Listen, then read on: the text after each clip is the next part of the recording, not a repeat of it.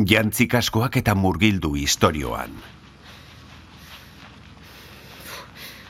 Hau ez da inoiz bukatzen. Bueno, sotoko zulotik ateratzen utzi dugute behintzat. Bai, euren esklabu gisa lanean jartzeko. Ez dakit. Itxasoko ize freskoa gozatu dezakegu eta... Herriketak utzi eta lanera! Bai, markatu. Kubiertako zorua.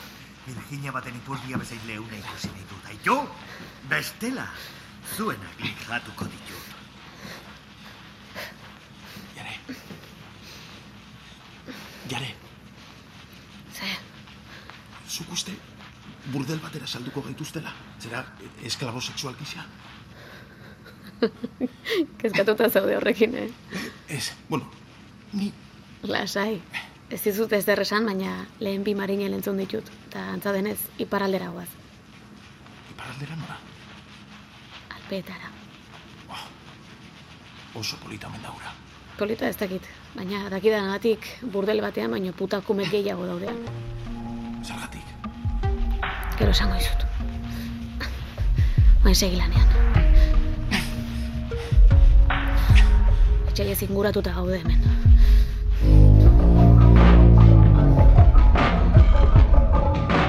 Jarraian entzungo dituzun istorioak ez dira gertatu.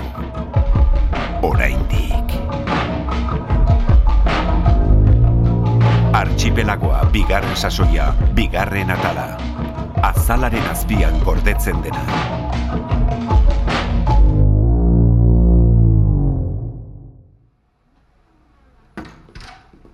Arrateko amari eskerrak, etxaiari ondo eusten diogu oraingoz baltza.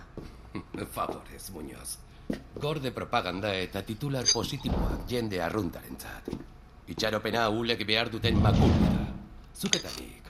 Ondo dakigu, osintxuko portuak ez duela asko iraungo. Osintxuko portuak arresi sendoak ditu, edo zein erasori aurre Osintxuko egiteko... portuak ez du zereginik Ipar Afrikako ligaren guda ontzien aurrean, Muñoz. Arresi hoiek ez dute beste aste bat ere iraungo. Behar bada apur bat gehiago bai. Bale, bi aste, berdin dio. Eta orduan zer. Porturik gabe geratuko gara, eta setio bikoiztuko dute Afrikarrek. Bikoiztu edo irukoiztu dezatela nahi badute. Osintxukoak agian ez, baina ibarko arresiek bai eutxiko diote orain arte bezala. Portuaren babesarekin gure itsasontziek distantziara mantentzen dituztelako. Baina hori gabe, gure soldadu guztiak arresi barruan daudenean. Bertatik bertara bombardatuko gaituzte.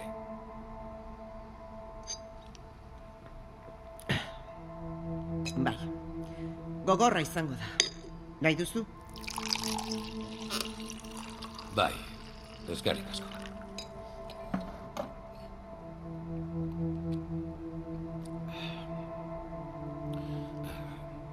Etxai aurre egiteko laguntza behar dugu, Muñoz. Eta ena izarrateko amazari, ulertzen didazu. Arrateko amari ez ausartu biraurik egiten nire aurrean. Eta bai, ulertzen du zer esan nahi duzun, baina lehen ere erantzun dizut horri buruz baltza. Enaiz Germaniarretaz fidatzen. Ez? Eta nortaz orduan? Non uste duzu aurkituko duzula Euskal Archipelagoaren lagun gehiago? Eh, non? Toloñon?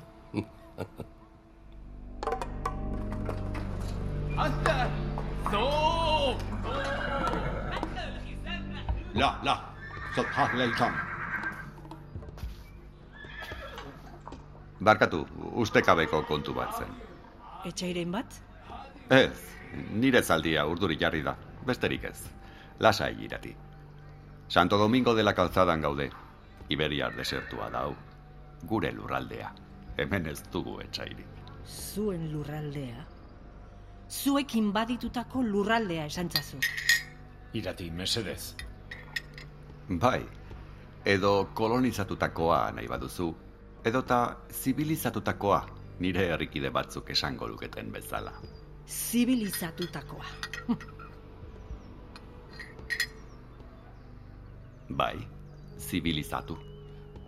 Zu ondamendiaren aurretik jaiotakoa zara ez da irati? Bai, sei urte nituen lehen olatua iritsi zenean. Sei? Orduan agian ez zara oroituko, baina garai hartako liburuak irakurtzen badituzu, hitz hori sarritan topatuko duzu.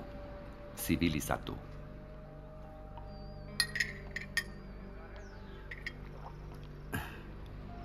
Horrela deitzen zenioten zuek, Europako eta iparraldeko gainontzeko potentziarroek gu bezalako herri pobreak are pobreago bihurtzen zituen kolonizazio ekonomikoari.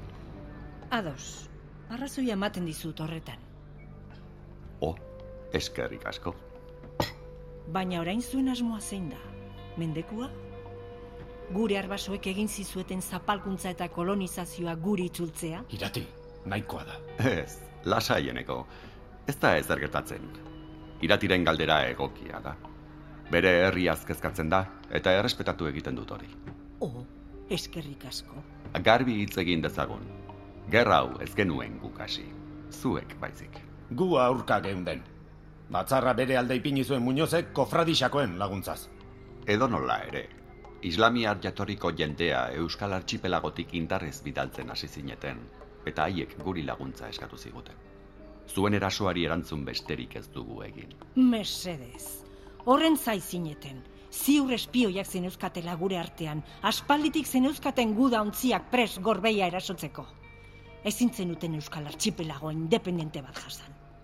Irati, eneko, bilera hau eskatu baduzue, errealitateaz konturatu zaretelako da. Euskal Archipelagoak ezin du, zuk diozun moduan, independentea izaten jarraitu. Hori bukatu da. Bi aukera baino ez dituzue. Germaniarrak edo Ipar Afrikako liga. Horixe bera. Zozoa eta belea. Beno, ez da berdin berdina.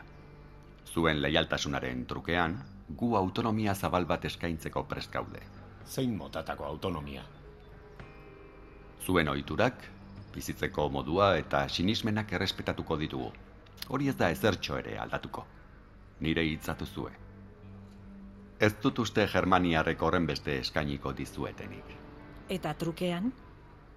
Urteroko ordainketa bat ezarriko dugu, jakina. Eta merkataritza ibilbidea kontrolatuko ditugu. Zentzuzkoa iruditzen zait. Irati? Hmm, ez dakit, baliteke. Ederki. Baina noski, akordio hori egitekotan, Euskal Archipelago osoarekin edo gutxienez gehiengoarekin itxi behar genuke. Bai, hori gure kontu. Eibarko hiri autonomora sartu eta bertako agintea hartuko dugu.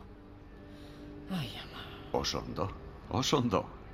Eta hori lortutakoan, nor jarriko da Euskal Archipelagoaren agintari? Zuek biotako bat? Bai, bueno, hori ez dugu oraindik. Edo Aitor. Aitor? Nola Aitor? Hilda da jota. Ez, ez. Uste nuen bazenekitela. Aitor, bizirik dago.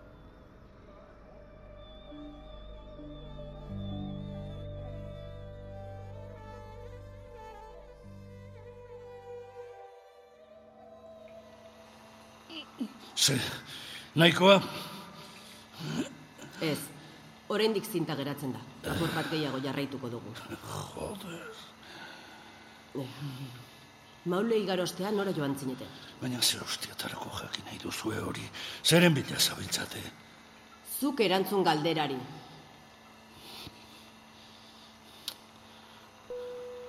Maule atzean utzi ondoren. Bai, Pirineoetako kalak jarraituz bidaiatu genuen. Areteko portura biatu ginen lehen da bizi. Eta handik lurdesekora. Antxe gerazeko erregutu nion olatzi. Lurdez ez da tokitxarra atxeden hartzeko. Garai bateko eraikuntza asko geratzen da zutikan. Arrantza bugari dago. Eguraldia ere nahiko ona da. Arira, ez dugu egun osoa. Hangeratu behar genuen. Olatzen sabela gerotan diagoa zen, eta oier gizajoa berriz, gerota eskasago, eritasun puta jota. Ai, hangeratzea izango zen onena denutzat. Alfer, alferrik izan zen, baina saiatu nintzen olatz konbentzitzen. Jarraitu. Lurdesko portutik aurrera azten da bidearen zatirik arriskotsuena. Pirineoetako gaskoiek, aragoitarrekin aliantza egin zuten eskeroztik. Putreak bezala itxaruten dute aitzen gainetan.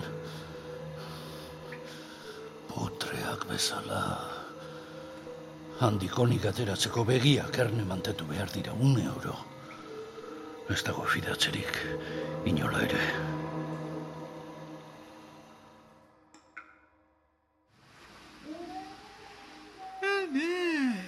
Bai, niri ere loguria sortzei zure musika txatxu horrek. Musika txatxua? Zer hote dakizuzuk? Hau Edith Piaf da nizar. Edith Piaf. Piaf? Edith Puf. Madam, kau utzi zaitu. Arrausiarekin ia lemak alde egin dizuta. Ez da musikagatik.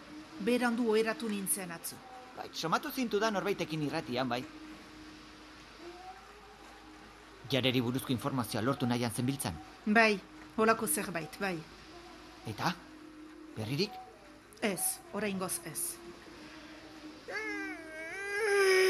Ikusten, musika hori somniferoa da. Pixka bat, bai. Andre! Bien ici! Jage, madame! Batzuaz? Utzi da zu niri lema eramaten. Segur zira? Ez duzu inguru hau ezagutzen. Baina lurdeseko badia laku bat baino lasaiagoa data. Gainera, zerbait egiteak buruari buelta gehiago ez ematen lagunduko. Bon, ongi da. Lokuluska bat egitera noa. Baina, edo zer behar izanez gero zatoz. Eta argi ibili. Noski. Zu ezkezkatu, madam. Eta disfrutatu zure sehaska kanta. Andre, bigorreko lurmuturera iritsi aintzin diratzak nazazu. Oui, madame.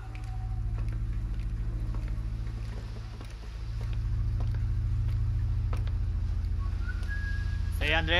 Eh? Eguraldi ederra, eh? Putain de mer. Ze, Andre? Ez dut ulertzen, adamek zergatik laguntzen dion beltxari. Ba, euskalo, ez da erraza emakume horren buruan zer da bilen asmatzea. Errukia, dik akaso? Errukia? Mesedez. Madame Pompidutaz ari gara. Ba, denak dugu gure bihotz txikia. Lagunak egingo ziren.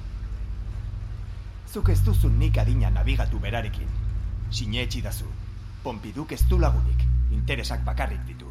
Bai, eta orduan zergatik goaz beste neska horren atzetik. Ez dakit. Baina hori ezberdina da. Pompidu konbentzitu zuen neskaren ama alpeetara joateko sendabide bila, ulertzen? Eta gero dena gaizki atera zen, eta Hori ba, ez. nik esaten nuena. Eta gainera neskak doainak ditu, Jeromek bezala. Ba hori, Jerom, Pompiduren semea. Shh, iso! Nik baino gehiago dakizula uste alduzu? Ez, ez, baina neska, Jerom, nik esaten nuena, denok dugu pio txiki bat. Ez, oker zaude. Ez dakit zer den, baina madamek zerbait planeatua du. Sine etxidazu.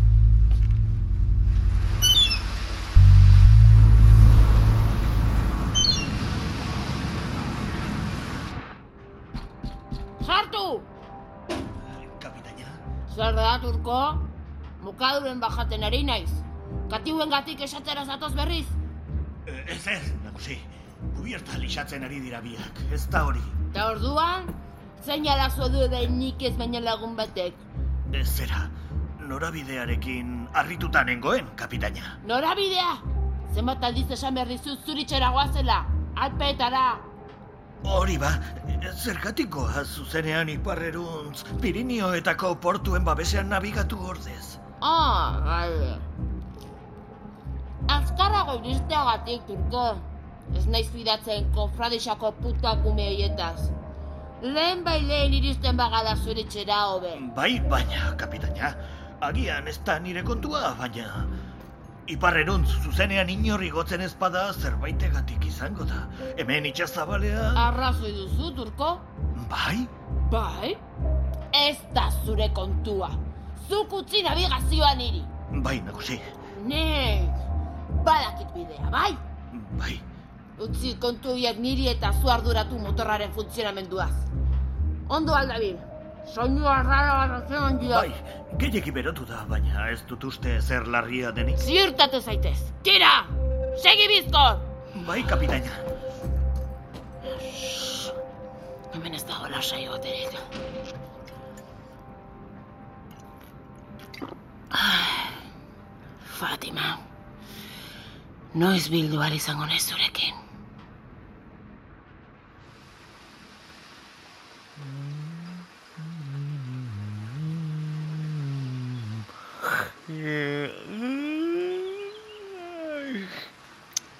Kantan azkarri hori pegatu dit azkenian.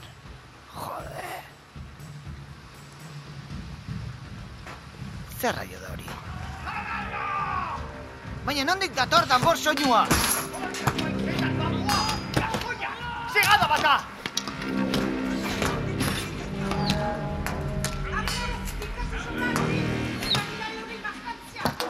Bai, madam! Bigorreko lur muturra arriskutsua da! Baina nortzuk dira hauek? Pirinoetako hiriak, kaskoiak eta aragoitxagak! Aizen gainetik erasotzen ari zaizkigu! Gainera begira, zer da hor eskinean dagoena?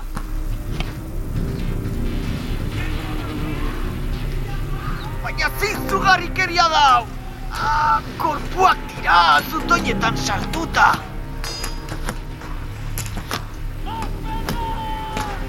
Reste tranquil! Lababorera joko dut! Ez! Mantendu norabidea! Baina, madam, nola... Jukutria bat da, trampa bat! Trampa? Ze trampa? Begira hor ezkerrean, uraren azpian! Ur azpian arkaitzak daude! Bai! Horregatik bultza nahi gaituzte alde horretara, ondoa jo dezagun arkaitzetan! Takumea! Ababorreko arkaitzetatik eskuinerago, baina ez gehiagin! Goitik jaurtitzen dituzten argiek, ontzia zuratuko dute bestela! Arak lagur gaitzala!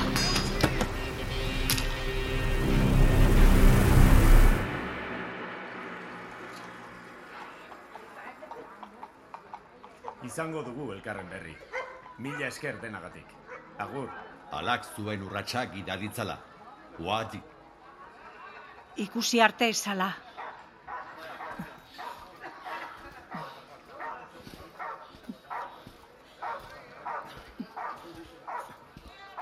Fida gaitezkeela uste duzueneko. Bai, bakea nahi dute. Guk bezalaxe. Guk bezalaxe, ez dakit. Guk horretarako gure herrikidek traizionatu beharko ditugu. Traizioa? Eibarkoekin egitera goazena hori dela iruditzen zaizu? Eta orduan nola deitzen diozu bereiek aitorri egin diotenari? Arrazoi duzu. Aitor gizajoa. Eskua moztu eta zakur basatietara jaurti. Bizirik jantzutela pentsa genezan den. Ai ama, baina zertara iritsi gara. Nola liteke hori Euskal Archipelagoan gertatzea? Lasa irati. Aitor erreskatatuko dugu. Bai, bai. Muñoz baltza eta sasikume hoiek agintetik kenduko ditugu. Aitor gizajoa. Bizirik ateratzea lortzen badu. Jare, galdu duela jakiteak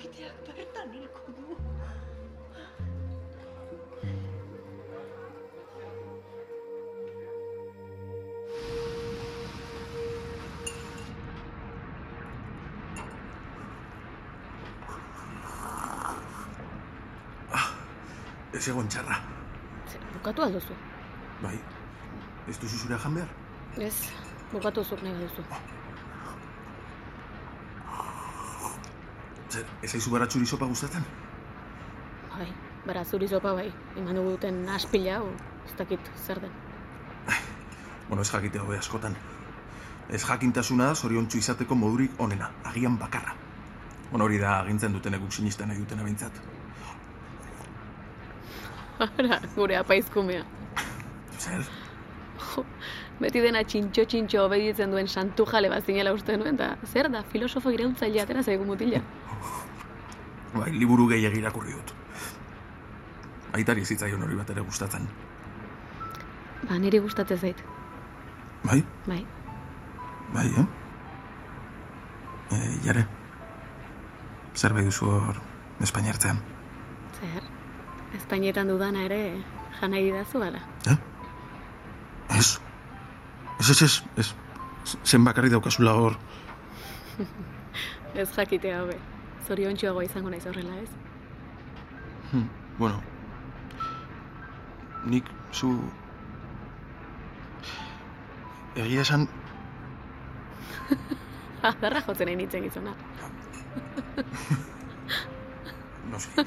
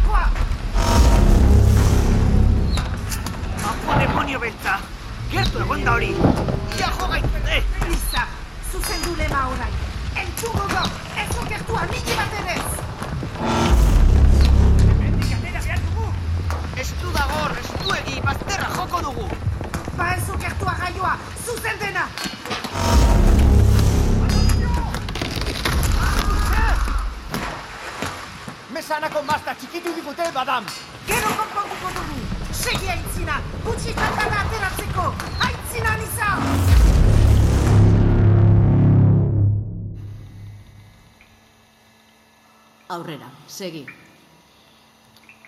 Nekeza egin zitzaigun Pirinotako zeharkaldia. Nekeza, oso.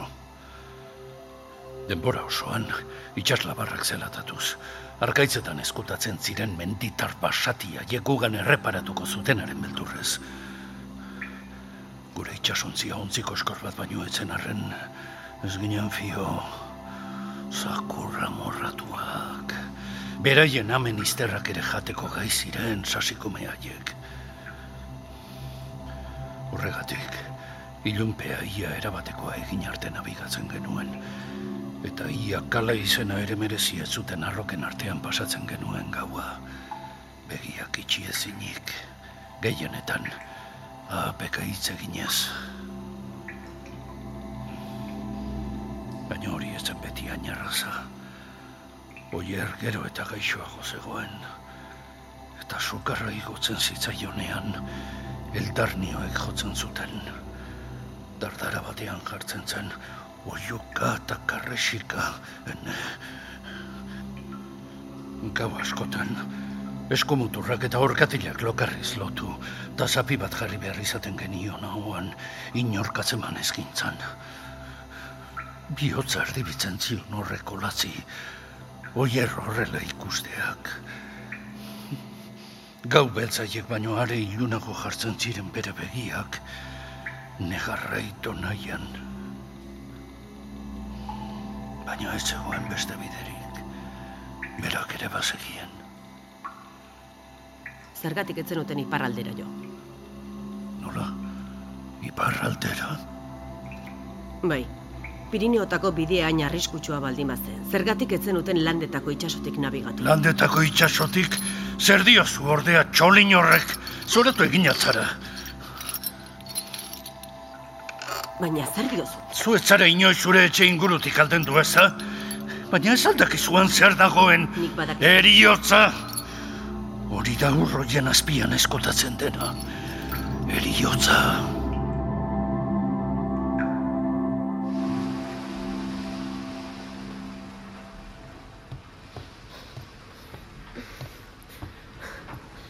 Noiz itzuliko da iker horbetik. Ba, motorra konpontzea lortzen duenean, lastana. Luze daramate. Seguru ez dela... Zer, ez dugula akabatu? Buruti pasa zait, ez pentsa. Baina, bueno, zerbaitetarako balio duen bitartean, gainera, berak bere buru eskaini du, kogoratzen, ba omen daki. Ikusiko dugu. Bestela berriz pentsatuko dut behar bada. Bravo! Bazen garaia. Iker, eskerrak. Ikusten polita. Etzen nuen horren beste kezkatu beharrik. Zure mutil laguna badu doain eskuturen bat antza. Ez dakizu ondo. Bikain! Denok irabazle. Berak bere bizia salbatu du. Eta gu, haizerik gabeko itxasoa lua onbengo zuzteko modua izango dugu. Turko! Bete galdara! Potentzia osoan nahi ditut otorrak! Bai, kapitaina! Aurrera!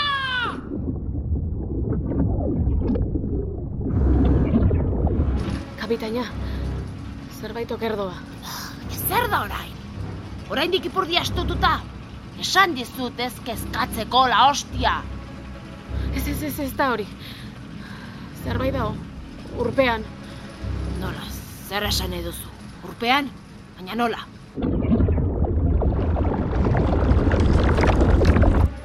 Senti dezaket...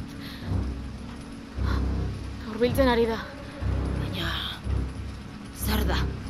Zer ari da urbiltzen? Ez dakit zerbait... Itzelezko zerbait.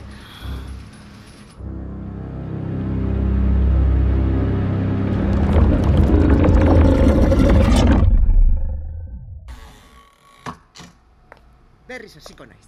Ados, Andrea. Jonas anaia doatxu hori. Jangoiko erruki horrak argitu baitzala. Aurreko eskutitzean idatzi nizun bezala gure egoera oso larria da. Fedegabeak etxeko ate aurrean ditugu eibar suntsitzeko asmoz bilduak. Eunka itxasontzi, kainoi, espata eta bihotz beltz ankerrez beteak. Oraingoz, arrateko gure amaren laguntza tarteko eusten ari diogu.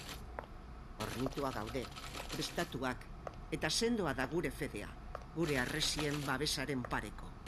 Baina aragia bekataria da, haula, iragankorra, eta badakit honek guztiak muga bat daukala, epe bat.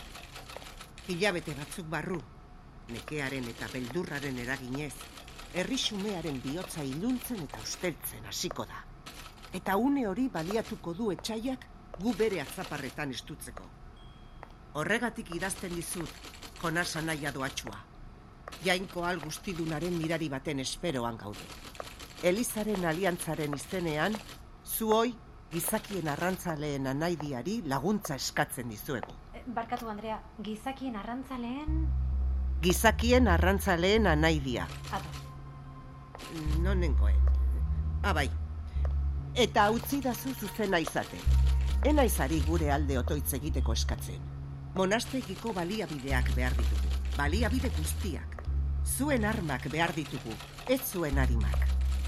Gure laguntza deiari erantzungo diozunaren itxaropenarekin, humiltasunez agurtzen zaitut.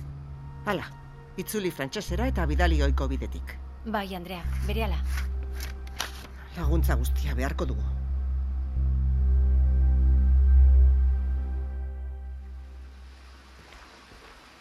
Andre, eman kalteen berri. Mesanako mazta txikitu digute madarikatu hoiek, madam. Erdi erditik pitzatu dute eta ezin izango dugu konpondu. Merda, lor, merd. Bon, aldela bildu oialak eta sokak. Behar bada gerora zerbaitetan baliatuko ditugu. Bota gainontzekoa. Besterik? Maspresa ukitu digute apur bat. Eta foke batzuk zulatu. Baina ezer larririk ez. Izan ziteken erako, onik atera gara, madam. Onik? Ni oraindik dardara batean nago. Ezin ditut danborratxoie burutik kendu. Ba, astindu burua. Oraindik ez da atxedenarako tenorean izar. Gaua pasatziko kalasi guru bat topatu behar dugu albezain fite. Joa baborera. Ados. Ah, ala errukitxua. Besoko gier guztiak espalduak ditut.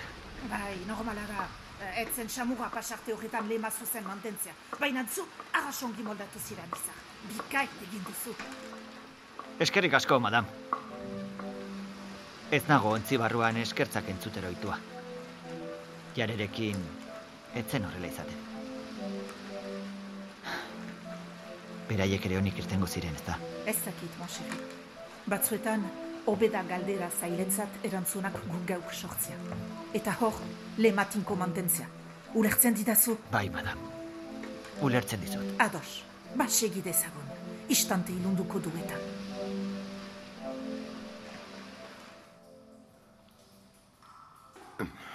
Badituko behar genituen erantzunak.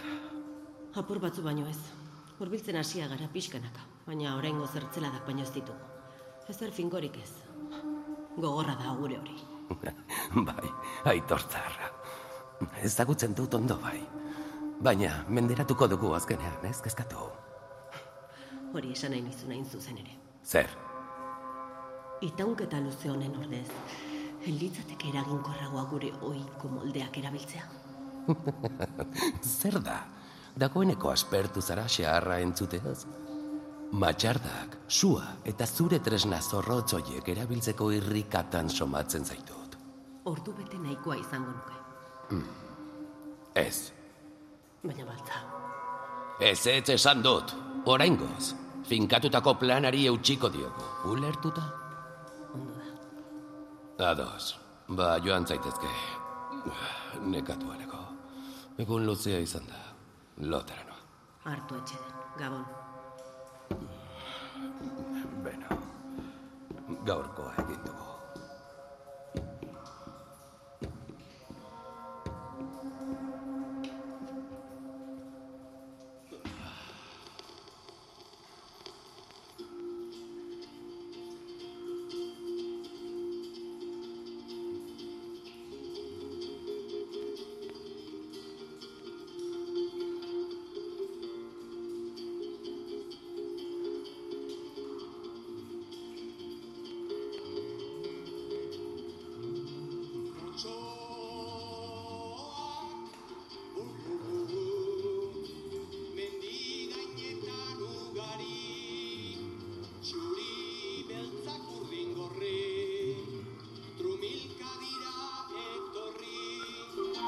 Horregatik txano gorritxu urrundu otxoetatik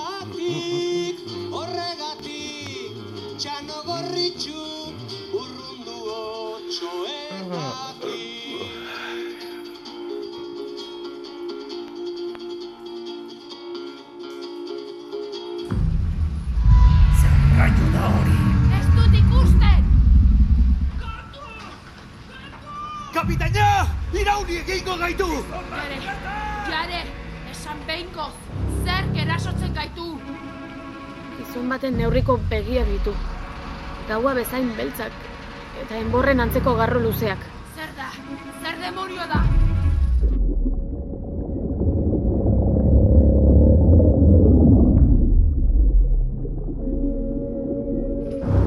Monstruo bat. Olagarro erraldoi bat ez, sakonera jetxi da. Guin arrantiagoz erasotzeko abaila hartzen ari da.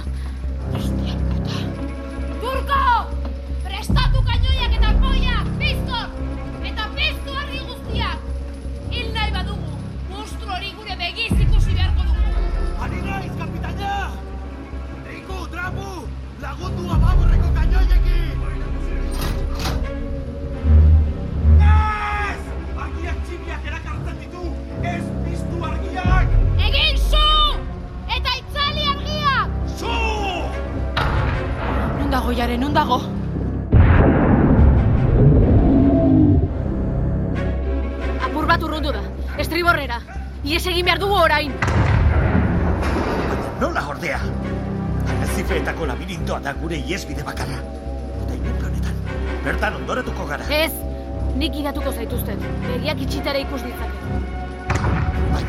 Nola? Ez egin galderarik turko! Gure aukera bakarra da. Zuk itzali argiak eta piztu motorra. Nik hartuko dut lema. Jare, esan nondi joan behar dut. Ababorrera, bai. Ababorrera dena.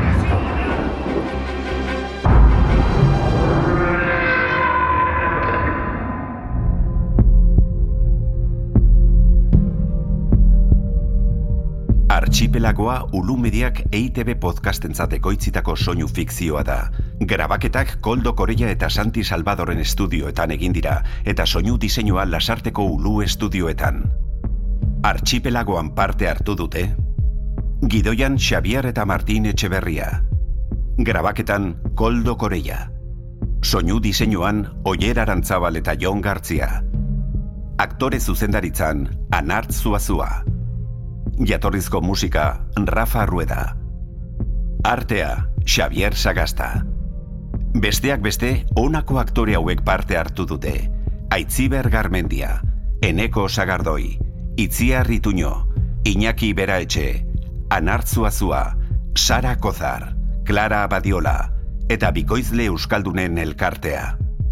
Ekoizpena eta koordinazioa, Xavier Etxeberria eta Kristina Tapia Huizi. Zuzentzaile eta edizio lanak, Juan González Andrés. Zuzendaria Oier Arantzabal. Sail guztiak entzungai dituzu EITB podcasten edo audioak entzuteko darabiltzun dena delako plataforman. Arpidetu eta zabaldu lagun zein etxaien artean. Ei, txt, entzun hori. Ulu Media.